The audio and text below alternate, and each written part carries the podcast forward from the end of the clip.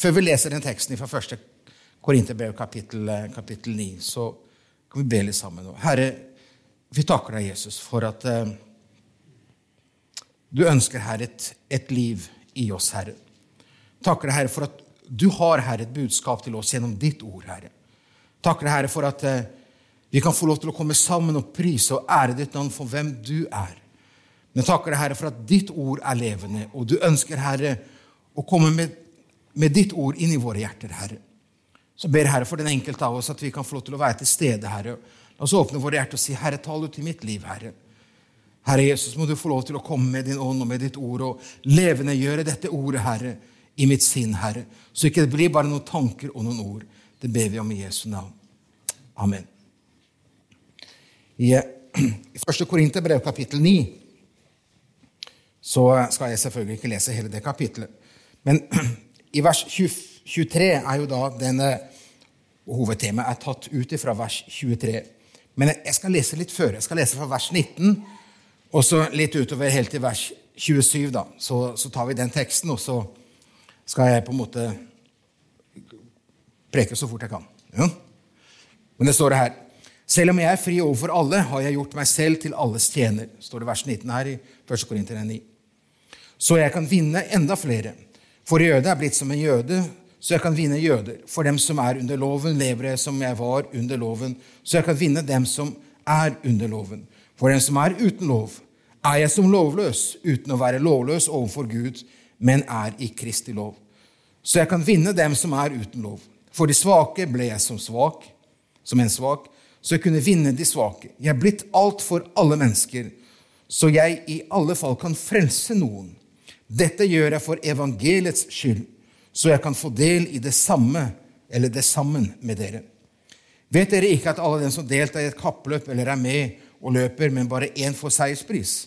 Løp da slik at dere kan få den. Hver den som deltar i kappløpet, forsaker alt annet. De gjør, de gjør det for å oppnå en forgjengelig krans, mens vi gjør det for en uforgjengelig. Derfor løper jeg ikke i usikkerhet. Jeg kjemper ikke som en som slår i løse luften. Jeg legger tvang på min kropp og holder den i trelldom, slik at jeg, som har forkynt for andre, ikke selv skal bli forkastet eller diskvalifisert, kunne man ha sagt. Amen. Kapittel 9, eh, kapittel 8 og kapittel 9 og kapittel 10 snakker, handler jo egentlig om Kristi frihet. Sant? Det var ikke mye frihet her, tenker du. Da var det mye greier. Ja. Og det handler om at, at De tre kapitlene handler om at, at Paulus snakker om vi har en frihet i Kristus. Men han velger å gi fra seg sin frihet for å vinne mennesker. Så friheten er der i den forstand at det han snakker om her, er ikke for å vinne frelsen. Det er for en tjeneste av Gud. Det er for å vinne andre mennesker for Gud. Så det er veldig viktig å forstå at alt jeg leste nå, handler ikke om å gjøre ting for å bli frelst. Men man er frelst, og man har en frihet i Kristus. Til frihet av Kristus frigjort dere, sier Paulus i Galaterne 5. Så, så, den friheten ligger der. Men så tar Paulus kapittel 9, som, eh, eller 8, som det ble prekt av herre forrige søndag, og her i kapittel 9 og kapittel 10, som vi undervist senere enn onsdag, så velger Paulus å gi fra seg sin frihet for andre mennesker. Den friheten han har til å bare være kristen og bare gå på møter og ha det greit og ha det godt. Men han, han, han gir det fra seg. Og Det er det hele kapittelet handler om. Både som forkynner, at han gir fra seg rettighetene som han har til å få lønn. i forskjellige ting, fordi det var en sånn konflikt i forhold til han, og Var han virkelig en apostel som de andre apostlene? ikke sant? Som bruker de første versene i dette kapittelet og snakker om det. Men han snakker om at han, han har alle disse rettighetene, men han gir det fra seg for å vinne noe. Det, det er det hovedbudskapet. Og da er jo det da at han sier disse, disse ordene i vers 23. Dette gjør jeg for evangeliets skyld, så jeg kan få del sammen med dere. Alt for evangeliet er jo da bud tema. Så Paulus har en, har en, frihet som kristen, men han har, et, han har et frihet med mål. Eh, og Det er en hensikt i den friheten. Det står her i vers 19 til og med vers, vers 23, den første delen. Eh, denne friheten og dette målet, dette livet han har med Gud, det resulterer i at han er villig til å gi seg sin frihet for andre mennesker. Og Da har du disse versene som vi, som vi leste her nå.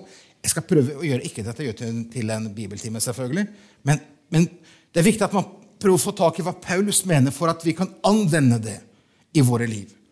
Eh, og når Paulus han sier for selv om jeg er fri, vers 19, overfor alle har jeg gjort meg selv til alles tjener, så jeg kan vinne enda flere. For jøde er blitt en jøde for å vinne jøde. ikke sant?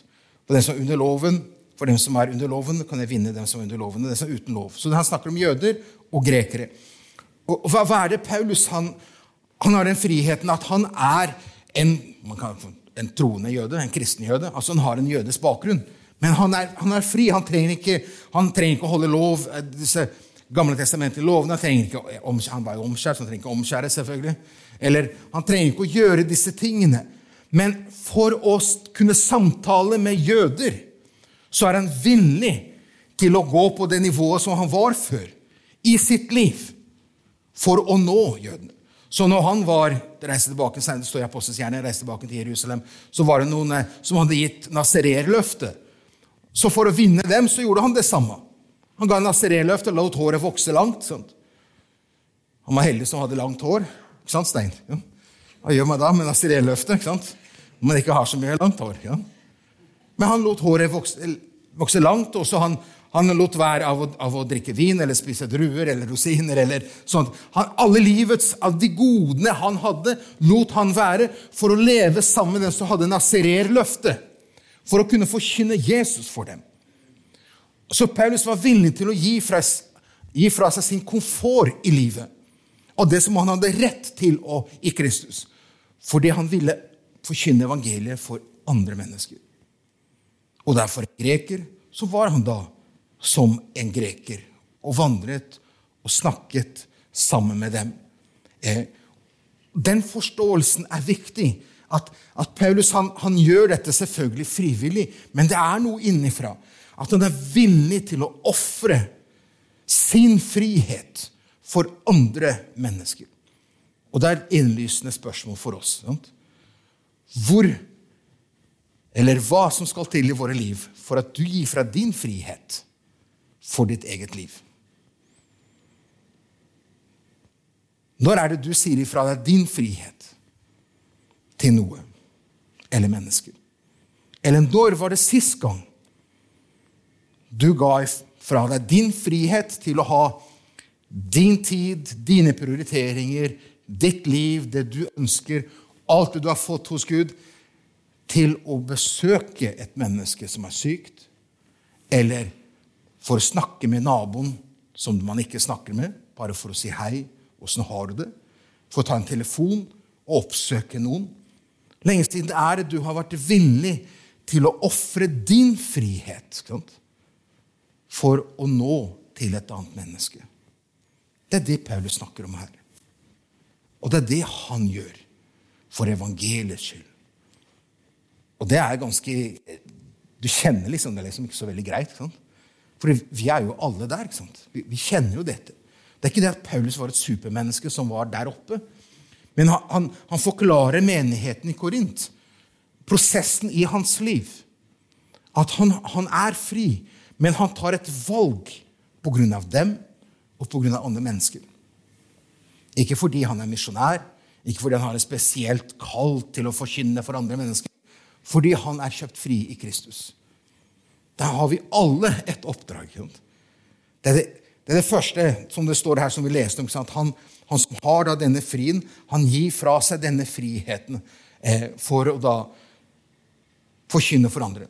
Og Det er det misjonærer gjør. De, de, de, på en måte går ned i en annen kultur og, og lever i den kulturen for å, at evangeliet skal bli brakt til dem. Så minst mulig av min kultur skal hindre kommunikasjon.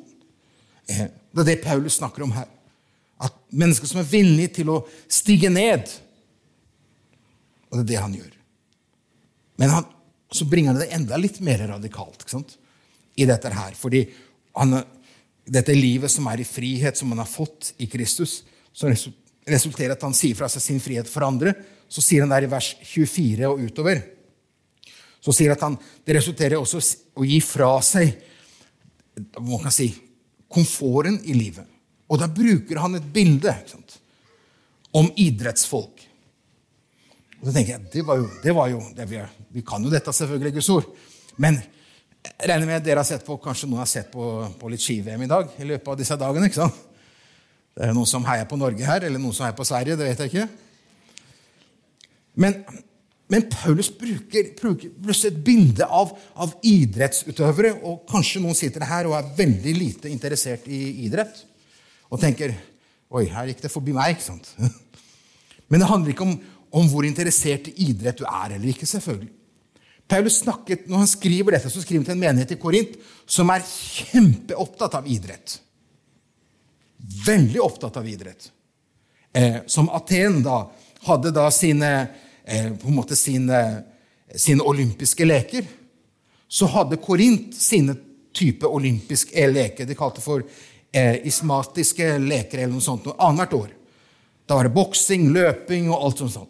Så det var et stort, nesten olympiske leker i Korint annethvert år. Så når Paulus snakker om det om idrettsmenn, så forstår jo dem i Korint hva han snakker om. Fordi de er jo der og heier og ser, og noen løper, og, og, og de forstår når han sier at noen, noen på en måte eh, Dette for å vinne i alt dette her, som på en måte må de, for å delta, så, så forsaker de enkelte ting.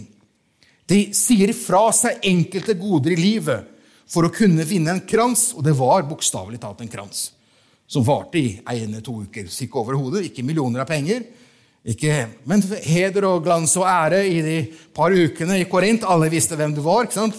Yeah, ikke sant? Så sier Paulus at disse de gjør alt for den kransen og den lille æren som bare varer der. Mens vi løper et løp. Vi er med på et løp. Som er ikke for å vinne en, en krans som er forgjengelig, men som er uforgjengelig. Han snakker ikke om, om selvfølgelig en krans som du skal vinne for å bli frelst, men en krans i tjeneste og i takknemlighet til Gud. Og Så sier han derfor, og så bruker han så lite på en måte jeg kan kalle for evangeliske og, og frie eh, på en måte uttrykk. ikke sant? Når han da sier dette. ikke sant? at han, eh, det han gjør Jeg legger tvang på min kropp. ikke sant? Ja, Dette her høres som munker. ikke sant? Det her er jo, det hører ikke hjemme i, i oss frie, kristne troende. ikke sant? At vi skal legge tvang på noe. Alt skal jo bare liksom komme innifra. Så, men Paulus han snakker om et valg han tar. Han har den friheten, og han har en indre kraft ved Den hellige ånd. Men han tar et valg av å prioritere det som Herren har for hans liv. Og det er det han sier idet han, han løper. For han sier han da kjemper ikke da og løper ikke da som et liv som er i det usikre. ikke sant? Han vet at han er blitt frelst av bare nåde. Gud har kalt han. Han har fått en, en konkret tjeneste som vet hva han er kalt til. Men spørsmålet er vet du hvorfor du er her? Når du er frelst, hvorfor ble ikke du bare tatt opp til himmelen med en gang? Døde, ferdig med det?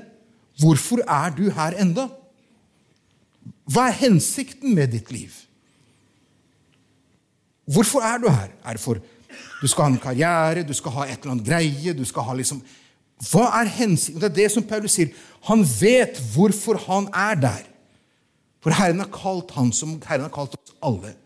Så han fekter ikke det usikre. liksom, ja, jeg er, jo, jeg er jo med, ikke sant? men vi må jo prøve så godt vi kan. Men han er viss på hvorfor han er der. Og det den, det er den sikkerheten som noen ganger svikter oss.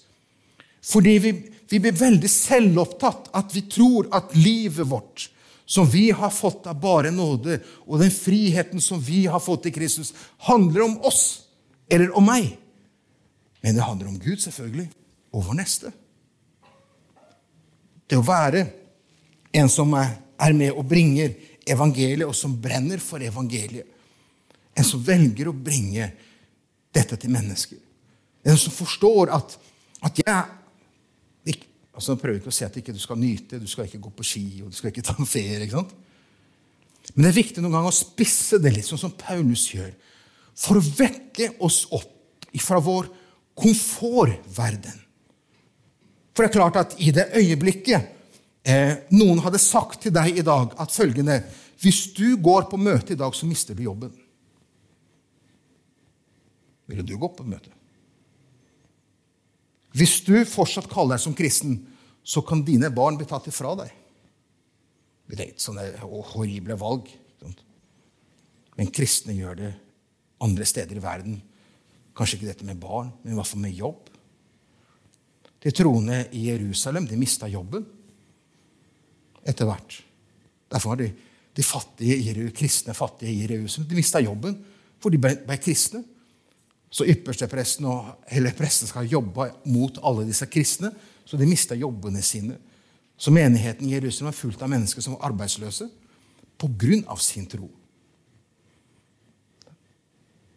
Hvor lenge holder vi fast på at vi har det vi har? Problemet er når vi holder fast på det vi har, av at vi har Det er komfortabelt å være kristen. Men hvis noen kommer til å si at ja, er du en kristen? Det er det verste sort. Før så kunne det være liksom at er du en kristen, så er det liksom bare tåpelig som tror på Gud. eller et eller annet. Men for mange så er det å være en kristen i dag det er ikke bare at du er, er liksom rar, kanskje, eller folk tror ikke på Gud, men du er kanskje en trussel for samfunnet. Din tro er en trussel for samfunnet og hvordan man opplever samfunnet skal være. Sånn er Og så vandrer vi nesten og kan møte mennesker der. Kjenne hvor uforkomfortabelt dette er. Sant? Og det er det Paulus snakker om her. At han, han er der i livet, at han har innsett noe som er livsnødvendig. Han har innsett noe. At alt det han trenger, er Jesus. Alt det andre, alt det andre man har, er en gave, er noe som Gud gitt oss som forvaltere, som han snakker om forvaltertjeneste. Bare snakk om det forvalte tjenesten. Men alt det andre er bare en gave som Gud gir av forskjellige ting. Men Jesus er alt. For det er jo spørsmålet hva får et menneske til å si det han sier? At han er villig til å ofre alt for evangeliet. ikke sant? For en sånn høy bekjennelse på ting. Eh, og for å ikke ta hele den, men jeg kan ta noe av det, det finner du i kapittel 3, bl.a. i Filippe-brevet. Der Paulus snakker om, om at han har opplevd sånn. Han opplever Kristus, og det som plutselig var en vinning for han, det som, det som på en måte plutselig var noe av verdi, det regner han som skrap. Det har egentlig ingen verdi sammenlignet med kunnskapen om Kristus. Så sier han I den sammenhengen litt vers seinere så sier For jeg er grepet av Jesus, eller Kristus. Hva er det som gjør at han er i den, i den på en måte alt for Norge-mottoet? ikke sant? Alt for evangeliet, alt for Jesus. Han med et hjerte av takknemlighet. Og jeg vet at i fjor så var det mye oppstyr med dette med, med Descend i, i, på Fornebu og Ungdom i oppdrag og mange andre som sa ja, det har blitt forkynt så mye at dere skal gjøre. og det er liksom masse, finnes mange mennesker som har blitt slitne i, i tjeneste av alt det som skal. og liksom det, det, har vært der oppe. Og selvfølgelig har også disse tingene blitt misbrutt i, i menneskets liv. Der på en måte man på en måte tror at, at, hvis man på en måte er der på det alteret, så er det en sånn spesiell elite eller en annen greie. Selvfølgelig kan alt i Guds ord bli misbrukt på den ene eller den andre veien. Men problemet generelt er jo det at, at man ikke ofrer livet for en tjeneste for Herren. Man ofrer en del av livet. Du har det Jesus, du får det jeg har til overs av tid og overskudd og interesse og så kan de andre tingene jeg bevare.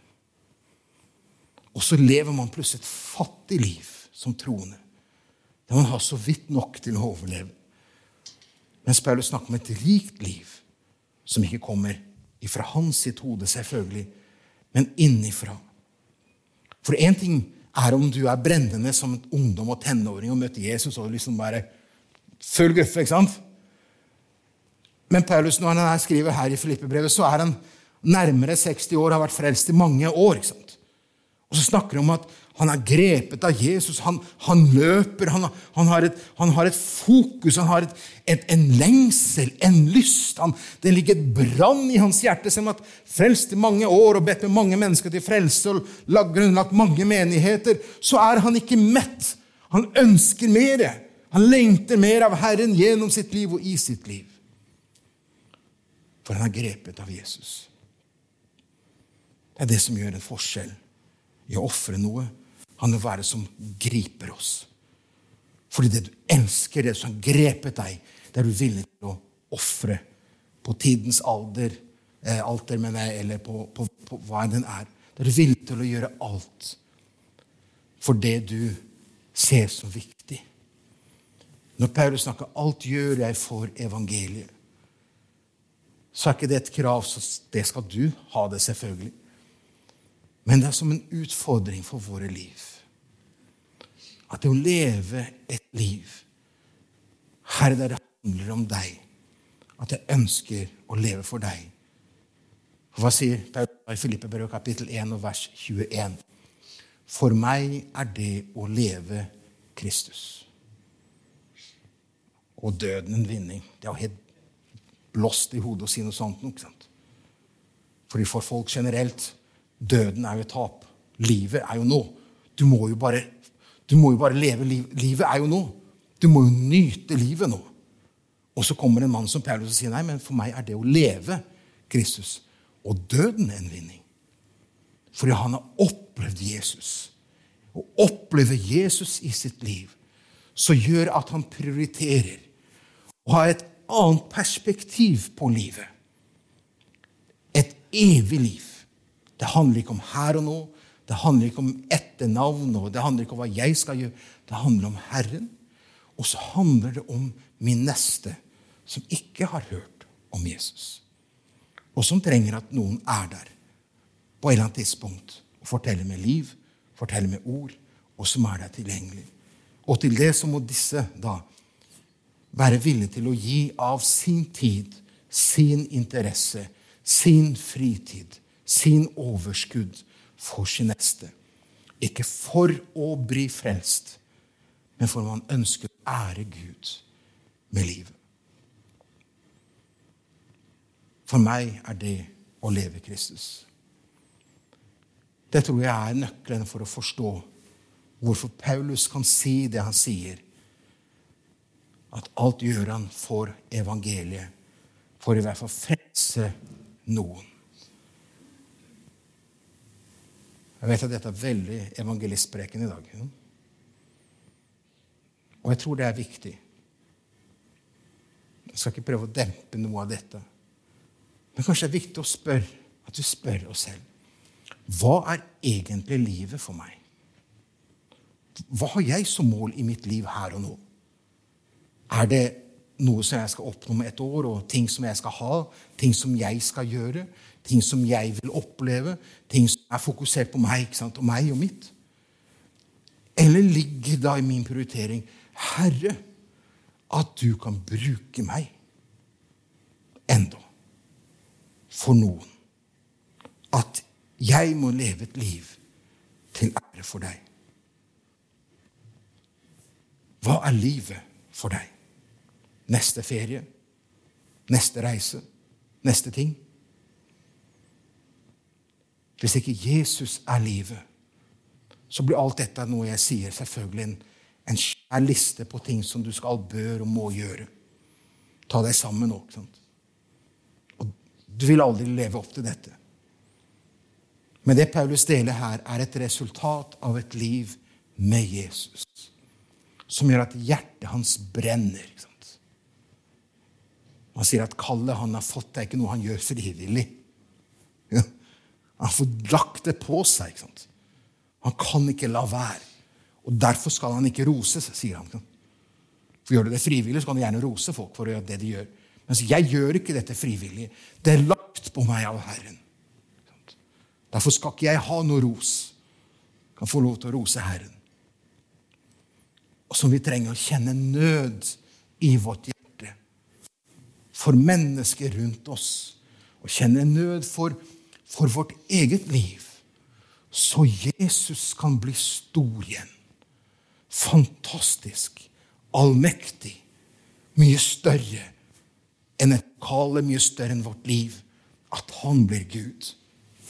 At han blir Gud.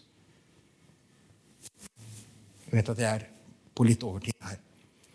Men jeg tenkte nå nettopp på i forhold til når Jesus tar med tre av sine disipler, Peter, Jakob og Johannes, opp til åpenbaringens fjeller, er Herren Jesus åpenbare seg. Der står det Peter sovna.